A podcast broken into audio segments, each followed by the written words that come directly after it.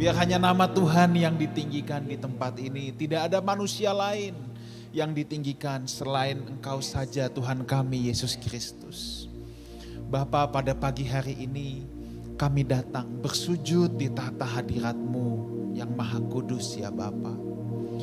Inilah penyembahan kami, biar semua yang kami nyanyikan lahir dari hati kami yang paling dalam.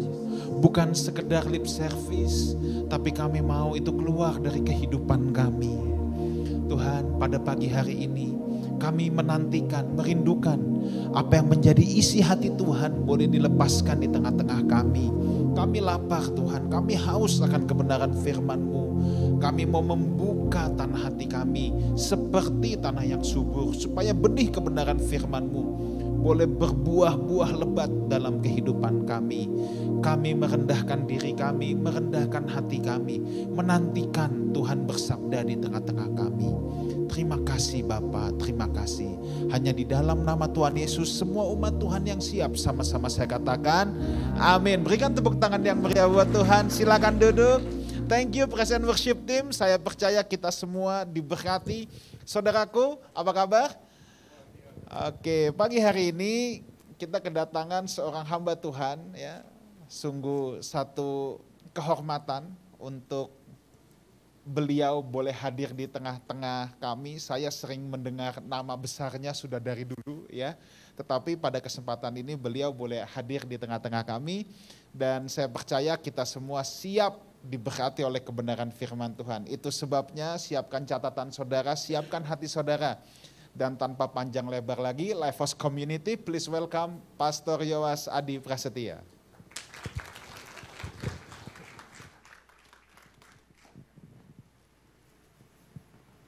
Terima kasih. Terima kasih Pastor Wikan. Apa kabar teman-teman semua? Ada yang bilang luar biasa. Luar biasanya hari ini atau setiap hari luar biasa? Ya.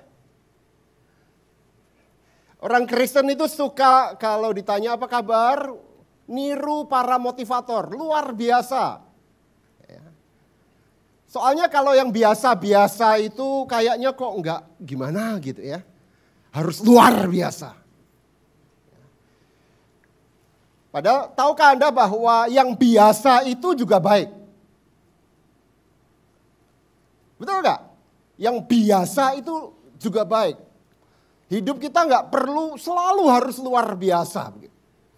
Yang ordinary itu juga harus baik. Tidak harus yang extraordinary. Yang ordinary oke okay kok. Ya.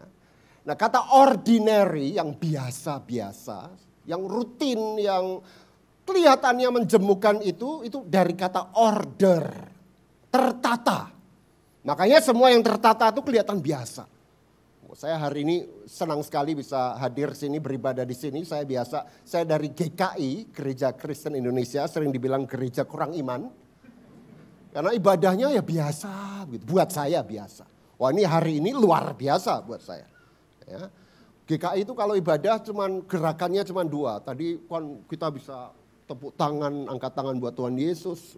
Kalau GKI gerakannya dua, duduk berdiri, duduk berdiri. Oh tiga tiga, kasih persembahan gitu. Ya. Biasa buat saya. Ya. Tapi kata biasa, order, ya, itu artinya ditata. Hidup kita ini ditata oleh Allah. Contoh gampangnya adalah jantungmu, jantung saya, jantung Anda, jantung kita semua. Jantung kita ini biasa atau luar biasa? Ini sebelum kita masuk ke firman Tuhan ya. Jantung kita ini biasa atau luar biasa? Anda tahu nggak jantung yang luar biasa itu denyutnya kayak apa? Duk, duk, duk, duk, duk, duk, duk, duduk, duduk, duduk. Anda mau punya jantung yang luar biasa kayak gitu? Padahal Allah buat kita, tubuh kita yang luar biasa kompleks ini menjadi biasa. Yaitu apa? Duk, duk, duk, duk, duk, duk, duk, duk. Dan itu luar biasanya, biasa kayak begitu. Saya mau buka kalkulator. Berapa usia Anda sekarang? Katakanlah eh, 40 tahun, ya, Saya lihat banyak uh, usia muda dewasa, 40 tahun kali 365 hari, kali berapa? 24 jam, kali 60 menit, kali orang biasa normal, jantung normal berdenyut satu menit berapa kali? 80 kalau kurang olahraga, kalau olahraga 70 lah. 1,4 miliar kali jantung orang berusia 40 tahun itu berdenyut biasa. Kalau 30 tahun ya 1,1 miliar kali. Enggak ada pompa Cina mana pun yang mengalahkan jantung kita. Betul? Dan itu biasa. Saya mau tanya sekali lagi, apa kabar Bapak Ibu? Biasa. Dan biasa itu punya nama apa? Baik. Hari ini saya ajak Anda semua untuk bicara satu hal dan memikirkan, merenungkan dari firman Tuhan dengan tema spiritualitas sehari-hari. Spiritualitas yang biasa-biasa saja. Ya. Apa itu? Mari kita satukan hati kita. Sekali lagi kita berdoa minta pimpinan roh kudus untuk membaca firman Tuhan. Mari kita berdoa.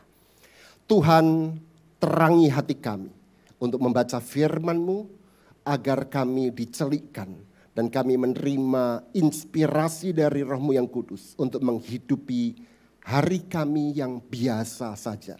Menemukan Allah yang luar biasa di dalamnya. Mempermuliakan Allah melalui tutur kata kami, perbuatan kami, sikap diam kami, tidur kami, makan kami, pekerjaan kami, relasi kami, dan semua yang boleh kami hidupi dalam hidup kami. Terpujilah engkau ya Allah di dalam Kristus kami berdoa. Amin. Mari kita buka Alkitab kita dan kita akan baca satu ayat terlebih dahulu. Yang pertama yaitu Kolose 3 ayat yang ke-23. Kita akan baca sama-sama karena pendek ya.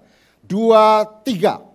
Apa pun juga yang kamu perbuat, perbuatlah dengan segenap hatimu seperti untuk Tuhan dan bukan untuk manusia. Nah sesuai yang terkasih dalam Kristus, tangkapan awal terhadap ayat ini sangat jelas, sangat sederhana. Apa pun juga yang kamu perbuat. Nah ini meliputi apa ya semua. Apa pun yang kita alami dalam hidup kita, lakukan semua untuk Tuhan dan bukan untuk manusia. Gitu. Jadi bukan cuman ketika anda berada di tempat ini, setelah berada di tempat ini setiap hari minggu, kemudian kita angkat tangan kita, kita tepuk tangan untuk Tuhan Yesus, untuk Tuhan. Tapi juga ketika kita keluar dari tempat ini, pertanyaannya adalah Anda parkir mobil Anda. Anda kemudian jajan di restoran, itu untuk Tuhan kan? Anda kerja, Anda buka toko, Anda kuliah, Anda pergi ke kantor, apakah ada kesadaran bahwa itu memang untuk Tuhan atau tidak? Nah kata asli lakukan di sini adalah poio. Nah itu bukan hanya what you do, apa yang kita lakukan. ya Bukan hanya kalau kita ngetik, bukan hanya kalau kita masak, bukan hanya kalau kita ngepel. ya Tapi arti, arti yang lain adalah apa pun yang kau jaga, apa pun yang kau pertahankan, apa pun yang kau hidupi. Jadi dengan kata lain, seluruh hidup kita Ketika engkau menghidupi hidupmu, hidupilah untuk Tuhan. Ini ayat yang sangat penting. Bapak Ibu Saudara. Ya.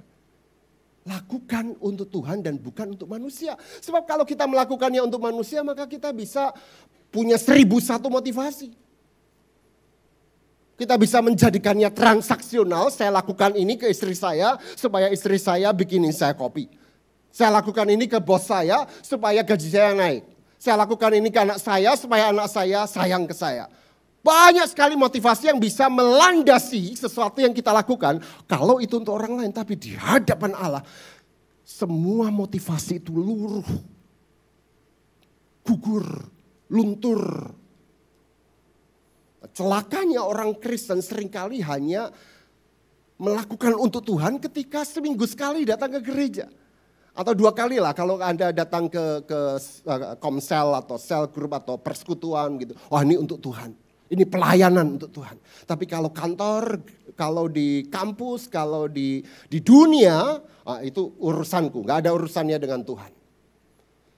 Nah tema kita pada pagi ini adalah spiritualitas keseharian. Everyday spirituality. Dan prinsip dasar dari spiritualitas semacam ini adalah bahwa 24-7, 24 jam sehari, 7 hari seminggu, semuanya harus untuk Tuhan. Atau semuanya bukan untuk Tuhan. Pilihan Anda hanya dua. Anda nggak bisa membagi dua. Ya. 6 per 7 itu untukku, sepertujuh hari minggu untuk Tuhan. No. Nggak ada yang namanya part-time Christians.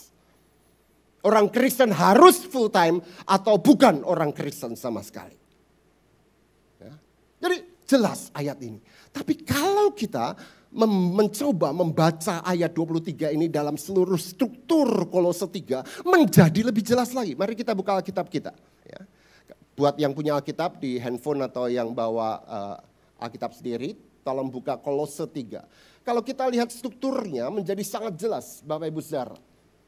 Paulus mulai dengan ayat yang pertama sampai dengan ayat yang ketujuh bicara soal who we are in Christ. Siapa kita di dalam Kristus? Apa status kita? Ya, bahwa kita mati dalam Kristus, kita dibangkitkan di dalam Kristus, bersembunyi di dalam Kristus. Ya. Dan kemudian akibat dari status yang baru itu, pada ayat yang kelima sampai dengan yang ke-17, Paulus bicara soal sebuah proses yang dalam teologi Kristen disebut sanctification, sanktifikasi, pengudusan. Orang yang sudah ditebus, dia akan mengalami terus sebuah pergumulan, tarik-menarik antara aku ini manusia baru, tetapi aku juga bergumul dengan diriku yang lama, manusia lama, kata Paulus. Ya. Ada pergumulan dan ini proses seumur hidup sampai akhirnya Anda dud, selesai. Nah, yang menarik adalah kemudian ayat 18 sampai dengan 24, Paulus mendaratkan itu, mengaplikasikan itu ke apa? Bicara soal apa? Hubungan suami istri, hubungan orang tua anak, hubungan tuan dan hamba dalam konteks pada saat itu. Dengan kata lain, di mana suami dan istri menjalani hubungan suami istrinya? Di gereja, di bait Allah? No, di rumah.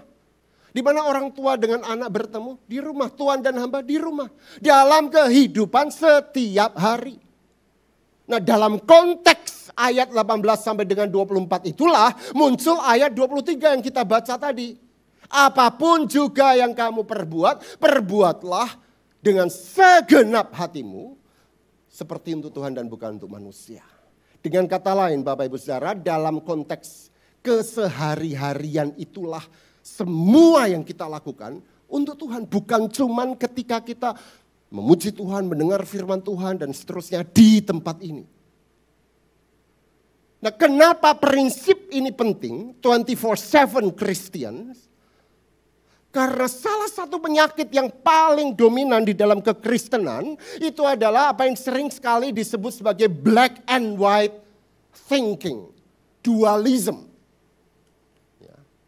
salah satu cara berpikir yang selalu memisahkan hidup manusia yang utuh ini menjadi dua. Binary thinking. Hitam putih, baik buruk, Allah iblis. Beauty and the beast. Gitu. Pokoknya seluruh realitas ini dibagi dua, ada yang baik, ada yang buruk, ada yang gelap, ada yang terang. Memang benar bahwa iman Kristen kadangkala harus konfrontatif melawan yang gelap, melawan yang jahat. Tetapi kalau kebablasan menjadi hati-hati, menjadi bahaya. Loh, Pak Pendeta, bukankah Alkitab mengatakan begitu? Ya, coba kita lihat Galatia 5 di dalam Galatia 5 ayat 16 sampai dengan 17, Paulus mengatakan apa? Maksudku hidup ya, ialah hiduplah oleh roh, maka kamu tidak akan menuruti keinginan daging sebab apa? Kita baca sama-sama 2 3, sebab keinginan daging berlawanan dengan keinginan Nah kan dualisme kan? Jadi ada yang daging, ada yang roh. Nah, setiap kali saya mimpin retret anak muda, saya bikin tabel gede di papan tulis daging roh. Lalu saya minta mereka untuk isi apa yang di bawah daging, apa yang di bawah roh. Kalau anak muda yang ngisi selalu pertama di bawah daging itu apa? Menurut teman-teman apa yang di bawah daging itu? Seks. Seks itu daging atau roh? Daging. Olahraga, daging atau roh? Daging. Buka toko, daging atau roh? Dugem, daging atau roh? Daging semua. Nah kalau yang roh apa? Ke gereja itu roh atau daging? Roh. Doa? Roh. Baca firman? Roh. Lalu saya ambil bul, uh, spidol gede merah dan saya coret. Salah. Keliru itu. Kenapa keliru? Karena bukan itu maksud Paulus ketika Paulus mengatakan ada keinginan daging dan ada keinginan roh. Yang Paulus ingin katakan yaitu begini. Sesuatu disebut keinginan daging kalau Yoas, nama saya Yoas, Yoas seutuhnya itu diarahkan kepada yang bukan Allah seluruhnya. Disebut keinginan roh kalau Yoas seutuhnya diarahkan kepada Allah. Jadi Yoas ini nggak bisa dibagi-bagi. Ada wilayah kedagingan, ada wilayah roh. Pilihan Anda hanya dua. Hidupmu sepenuhnya untuk Allah. Atau hidupmu bukan untuk Allah. Amin. Seks. Daging atau roh. Ya. Seks. Oh, kok saya lihat di belakang ada yang ngantuk seks gitu langsung. Seks daging atau roh? Tergantung. Kalau Anda menikmati seks itu di dalam kesetiaan perkawinan, ya, dalam ikatan yang penuh dengan rasa hormat pada pasangan hidupmu, setia, itu sangat spiritual Bapak Ibu Saudara. Allah sangat mencintai anak-anaknya yang menikmati kehidupan seksualnya di dalam ikatan perkawinan yang kudus. Betul? Ya. Shopping, daging atau roh? Ini tergantung. Kalau mal belum buka Anda udah udah antri. Mal udah tutup Anda maksa supaya terus. Jadi hidupmu ngemal terus. Itu kedagingan. Tapi kalau kita ke mall untuk refreshing sejenak, kita makan dengan orang lain, uh, teman kita, lalu kita beli sekadarnya lalu pulang. Itu bisa menjadi bagian kita refreshing our spirit. Doa, daging atau roh? Tergantung. Lah kalau Anda doanya pada Tuhan, Tuhan, lihat istriku, lihat tetanggaku, uh, boleh nggak Tuhan dilukir? Saya serah itu enggak, bukan kedagingan itu. Ya, itu nerakawi. Kalau seorang hamba Tuhan berkhotbah di balik mimbar ini dan yang dia khotbahkan selalu adalah pencapaiannya. Tuhan pakai saya luar biasa. Tuhan sudah sudah pakai saya untuk menjawab saya saya saya. Itu kedagingan. Walaupun dia sebut sesekali nama Tuhan.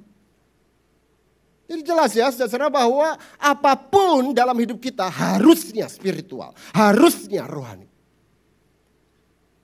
Atau pilihannya seluruhnya bukan rohani. Gitu, ya. Jadi dalam Galatia 5 yang Paulus ajarkan kepada kita adalah the wholeness of human life. Bahwa seluruh hidup manusia secara utuh itu nggak boleh dibagi dua, dualisme. Tapi seluruhnya untuk Allah atau bukan untuk Allah. Dengan prinsip dasar semacam ini, maka muncullah sebuah konsep yang disebut spiritualitas keseharian atau everyday spirituality. Hari ini saya akan ajak Anda untuk hanya membahas tiga dimensi, tiga aspek dari spiritualitas keseharian ini. Yang pertama adalah soal waktu, konsep kita tentang waktu. Dan yang kedua adalah konsep kita tentang materi. Dan yang ketiga adalah konsep kita tentang pekerjaan secara sangat cepat. Karena banyak sekali dimensi-dimensi yang bisa kita bicarakan. Yang pertama adalah konsep kita tentang waktu Bapak Ibu Saudara. Ya. Prinsipnya adalah semua waktu itu bersifat spiritual. Semua hari bersifat rohani. Dan ini doktrin penciptaan. Kalau Anda baca kejadian pasal yang pertama, Di sana kita belajar dengan sangat eksplisit bahwa dalam penciptaan Allah menciptakan berapa hari? Enam hari. Dan ada satu hari yang namanya hari sabat. Tuhan beristirahat setelah menciptakan. Nah pertanyaannya adalah enam hari ini Tuhan adakan demi satu hari ini. Atau satu hari ini Tuhan adakan karena sudah ada enam hari. Mana yang betul? Satu hari ini karena ada enam hari atau enam hari ini karena satu hari? Satu hari ini karena enam hari, namanya juga penciptaan, betul? Pada hari keberapa Allah mencipta? Satu sampai dengan enam. Senin sampai dengan Sabtu. Anda bekerja sebenarnya Anda mengimitasi Allah yang sedang mencipta. Jadi kalau kita buka toko, kita kuliah, itu sebenarnya kita sedang mengadegankan Allah seperti Allah yang sedang mencipta. Maka kalau kita kerja itu harus kreatif. Like God creating the universe. Jadi satu hari ini berarti hanya karena enam hari. Jangan dibalik. Enam hari ini kita tunggu, ah boring banget demi satu hari ke gereja. No. Satu hari ini penting justru supaya enam hari ini menjadi lebih penting lagi. Maka ada dua bahaya di dalam kekristenan terkait dengan enam dan satu hari ini. Terkait dengan konsep waktu. Yang pertama disebut sebagai monumentalisme, monumen. Jadi orang-orang Kristen yang selalu percaya bahwa pasti ada hari-hari terbaik. Hari-hari istimewa.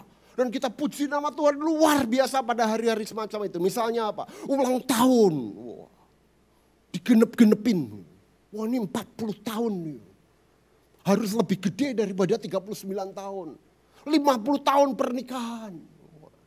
Diamond atau gold. Itu monumentalisme tahun baru, wah ini lebih penting kita lek-lekan, kita nggak tidur. Kongsi facai, angpo-angpo.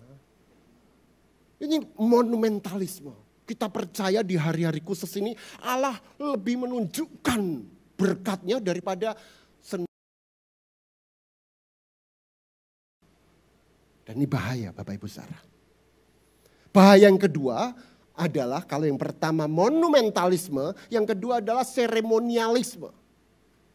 Jadi dari enam hari ini ditunggu sampai secara berkala ada satu hari, katakanlah hari Minggu, di mana kita melakukan seremoni ke gereja. Kita datang ke Tuhan. Coba Anda lihat bahasanya. Kita datang ke Tuhan pada hari Minggu ke gereja. Kalau Senin sampai dengan Sabtu kita datang ke siapa? Apakah Anda datang ke Tuhan ketika Senin sampai dengan Sabtu? Mestinya iya, tetapi saya kan nggak ke gereja. Ya dalam hidupmu sehari-hari. Firman Tuhan tadi mengatakan apa? Kalau engkau lakukan segala sesuatu, lakukan untuk Tuhan. Jadi seolah-olah sejam dua jam di gereja ini nilainya berkali-kali lipat lebih penting daripada kita menanak nasi, kita bikin paper, kita buka toko, kita ke kantor. Itu biasalah.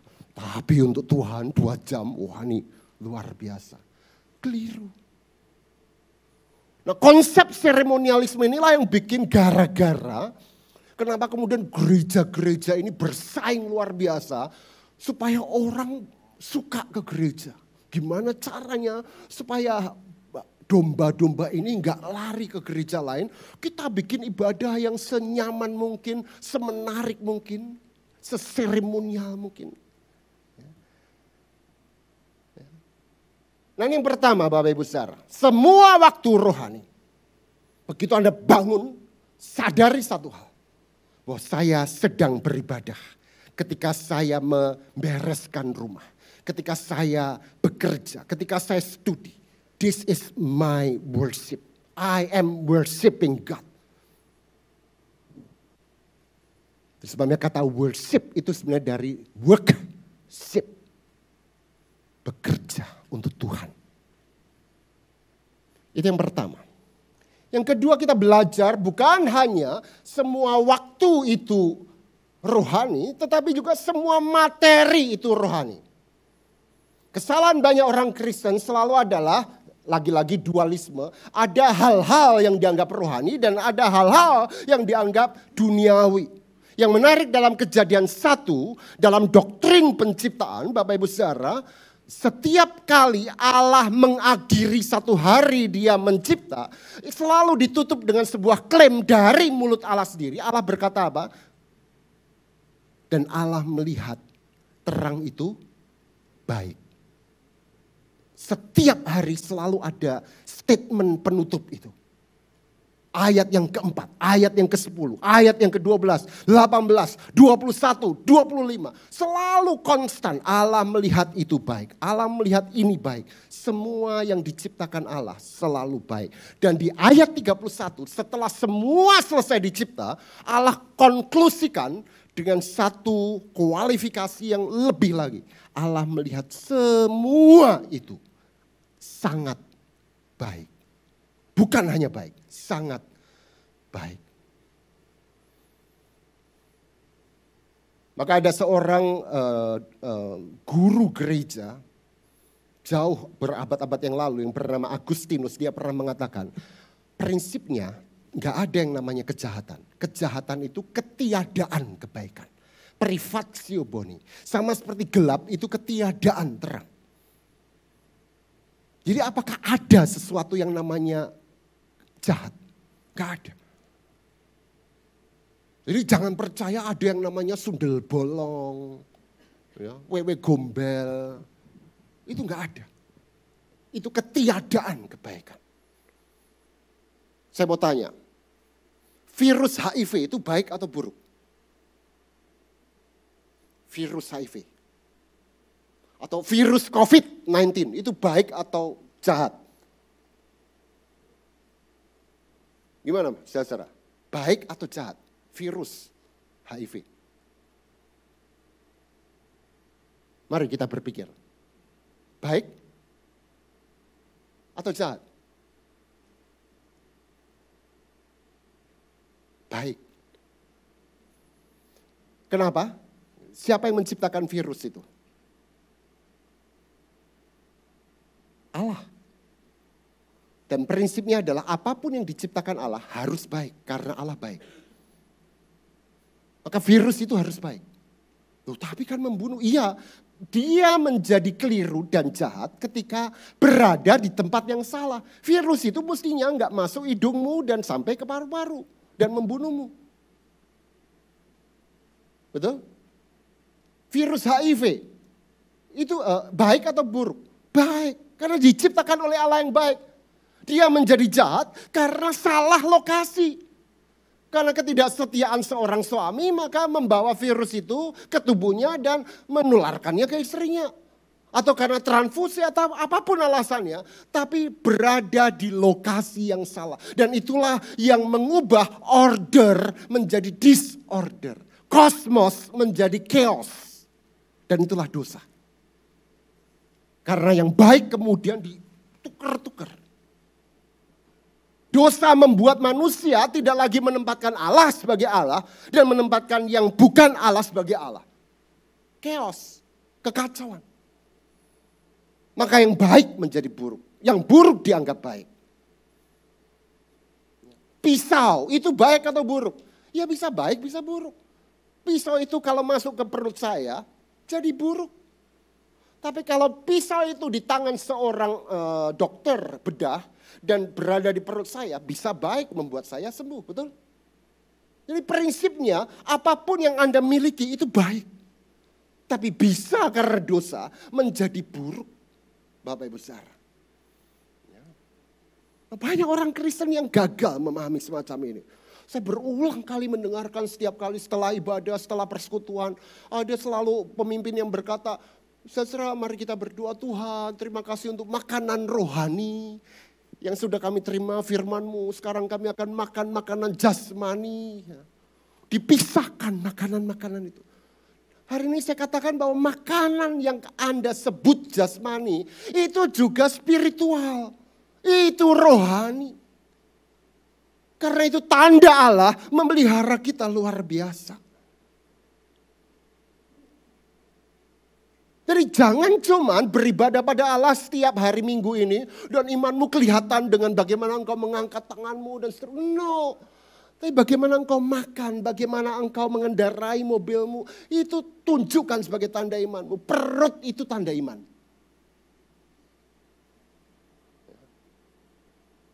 Tiga tahun yang lalu berat saya 92 kilo, saya, saya turun 18 kilo. Dan setiap hari saya membawa tanda ketidakberimanan saya dengan perut buncit saya. Kalau you makan dengan rakus, gak peduli dengan kesehatanmu, Anda sedang memperlihatkan ketidakberimananmu. Bahwa Allah sudah memberikan makanan dan Anda harus menikmatinya dengan rasa cukup, rasa bersyukur. Saya enggak makan semua. Wow, buncit. Tanda iman. Tanda dosa. Sampai akhirnya awal tahun ini, uh, akhir tahun lalu, Tuhan izinkan saya menikmati satu penyakit yang luar biasa, autoimun yang namanya Crohn's disease. Seluruh usus saya dari maaf anus sampai dengan tenggorokan itu radang. Radang. 30% karena genetik tapi 70% itu karena gaya hidup. Berapa banyak hamba Tuhan yang luar biasa menyampaikan kebenaran firman Tuhan. Tapi luar biasa juga menunjukkan betapa dia rakus dalam makanannya, rakus dalam harta. Ya. Rumahmu adalah bukti imanmu. Perutmu adalah bukti imanmu. Seberapa jauh kita cinta Tuhan terlihat dari itu semua. Karena prinsipnya semua materi ini baik dan harus dibawa untuk kebaikan kemuliaan nama Tuhan. Itu sebabnya Yesus mengajar kita berdoa apa? Tuhan berikanlah kami pada hari ini. Today, makanan kami yang secukupnya. Dan kalau Anda bandingkan dengan versi Lukas, luar biasa. Yesus tidak mengajar doa, berikanlah kami pada hari ini, tapi Yesus ajarkan kepada para muridnya lain berikanlah kami setiap hari makanan kami yang secukupnya. Itu spiritualitas keseharian. Sebuah kesadaran bahwa aku bergantung pada Tuhan setiap hari. Apa yang aku terima dari dari pekerjaanku, dari kampusku, dari aku sopir gojek, uang sedikit-sedikit. Ini pemberian Tuhan dan aku harus tanggung jawab dengan semua ini. Itu prinsipnya. Nah yang ketiga saudara, dimensi yang penting ketika kita bicara soal spiritualitas keseharian adalah bukan cuman semua waktu itu harusnya rohani, bukan cuman semua materi itu harusnya spiritual, tetapi juga semua profesi, semua pekerjaan itu spiritual. Itu sebabnya dalam Kolose 3 ayat 23 tadi dikatakan apa? Apa pun yang engkau lakukan, lakukan untuk Tuhan dan bukan untuk ma manusia. Ya. Kata profesi itu dari bahasa Latin profiteri yang artinya apa? Mengakui secara publik. Jadi kalau Anda profesinya apa? Sopir Gojek. Anda sedang mengakui kepada publik, ini pekerjaan Tuhan yang kasih dan aku mau tanggung jawab. Kalau Anda buka toko, Anda sedang mengakui pada publik, ini pekerjaan cara Tuhan memberiku kesempatan melayani dia. Dan aku akan tanggung jawab. Jadi kalau Anda pelayan Tuhan di gereja, Anda begitu luar biasa setia melayani Tuhan di gereja. Tapi kemudian Anda tidak setia dalam profesimu, Anda sedang mempermalukan Tuhan. Ya. Hati-hati dengan bagaimana caramu hidup. Di gereja kita punya konsep teologi bahwa oh kita dipenuhi oleh roh Allah. Apakah hidupmu dipenuhi oleh roh Allah ketika engkau melakukan tugas remeh sepele dalam hidupmu? Saya sudah tahu siapa orang pertama dalam Alkitab yang dipenuhi oleh roh Allah. Konsep dipenuhi oleh roh Allah itu gimana sih? Kalau orang bernubuat, kalau orang melakukan mukjizat, orang berbahasa lidah. Ya. Anda tahu orang pertama dalam Alkitab yang dipenuhi oleh roh Allah itu siapa? Tahu? Mari kita buka keluaran pasal 31. Keluaran pasal yang ke-31 ayat 1 sampai dengan yang kelima. Dan ini membuat saya tercelik memahami bahwa ternyata konsep dipenuhi oleh roh Allah itu berbeda dengan apa yang kita pahami selama ini. Keluaran pasalnya yang ke-31 ayat 1 sampai dengan yang kelima. Sudah ketemu? Mari kita lihat. Berfirmanlah Tuhan kepada Musa, lihat telah kutunjuk Bezaleel bin Uri bin Hur. Jadi kutunjuk siapa? Bezaleel. Bezaleel artinya under the shadows of God. Di bawah bayang-bayang Allah. Dari suku Yehuda. Dan telah kupenuhi dia dengan roh Allah. Nah ini orang pertama di Alkitab. Dicatat eksplisit dipenuhi oleh roh Allah dengan keahlian dan pengertian dan pengetahuan dalam segala macam pekerjaan. Apa artinya orang dipenuhi roh Allah? Ya. Ternyata dipenuhi dengan hikmat. Ayat 4. Untuk membuat berbagai rancangan supaya dikerjakan dari emas, perak, dan tembaga. Untuk mengasah batu permata. Nah, jadi kalau Anda koleksi ake, ya, ini ayat ayat landasannya. Saudara supaya ditatah untuk mengukir kayu dan untuk bekerja dalam segala macam pekerjaan. Jadi orang pertama yang dipenuhi roh Allah itu tukang. Kalau Anda tukang, Anda pekerja, karyawan, bisa nggak Anda dipenuhi oleh roh Allah dalam pekerjaanmu? Bisa, Beseleal membuktikan itu. Yaitu ketika dia memakai semua talenta yang Allah berikan dengan penuh tanggung jawab untuk kemuliaan Tuhan. Itu artinya dipenuhi oleh roh Allah. Hari ini saya ingin mengajar, mengajak Anda semua untuk percaya bahwa tidak ada di sini yang bukan hamba Tuhan. Siapa hamba Tuhannya Life, Life House Community? Pak Wigan, Pak Ruli. No, semua orang dalam ruangan ini adalah hamba Tuhan. Ketika Anda mengerjakan tugas Anda, apa pun profesi Anda, dengan kesadaran Tuhan ini pekerjaan darimu. 24-7, I am a Christian. Maka saya akan bertanggung jawab dengan ini semua. Dan hari ini saya tantang Anda, apakah Anda punya komitmen untuk sungguh-sungguh mau menjadi a 24-7 Christians. Gak ada yang istimewa ketika Anda menunjukkan imanmu di dalam gereja. Gereja ini harusnya jadi tempat servismu supaya mobil imanmu itu lancar di luar. Itu sebabnya ibadah dalam bahasa Inggris itu memakai kata apa? Service. Kita kenalnya tempat servis. Mana yang Anda pilih kalau Anda punya mobil? Tempat servis A, semua computerized, AC, alat-alatnya canggih, ada tempat tunggu uh, uh, penump, uh, uh, pengemudi, teh botolnya gratis, ya, teh begitu keluar mahal, atau tempat servis B yang kuno, sumuk, panas, ada teh botol bayar 10 ribu, nggak pakai alat-alat canggih, cuma pakai obeng begitu. Tapi begitu mobil Anda masuk ke tempat servis A, keluar satu minggu langsung ngek ngok ngek ngok mobilmu rusak lagi. Atau tempat servis B yang sangat biasa-biasa. Begitu keluar dari tempat servis itu, berbulan-bulan tokcer mobilmu. Mana yang Anda pilih? A atau B? Ya? B. Jadi kualitas sebuah tempat uh, servis mobil ditentukan bukan apa yang terjadi di tempat servis itu. Tapi begitu keluar dari tempat servis itu, betul? Kualitas sebuah ibadah nggak ditentukan Apakah puji-pujiannya menggerakkan hatimu, khotbahnya berapi-api, mengubah cara pandangmu? Apakah suasananya luar biasa? Enggak. Saya lebih memilih daripada beribadah di tempat yang luar biasa. Enggak ada yang salah dengan tempat ibadah yang luar biasa seperti tempat ini. Tapi saya lebih memilih sebuah tempat ibadah misalnya di ujung kota yang cuma di petak kecil. Musiknya cuma pakai gitar biasa itu, senarnya tinggal empat karena putus semua. Ya. Nyanyinya nggak kayak tadi yang luar biasa. Ya. WL-nya kalau nyanyi fals. Tapi begitu orang keluar dari tempat ibadah itu, hidupnya berubah dan perubahan itu kelihatan di jalanan. Itu tempat servis.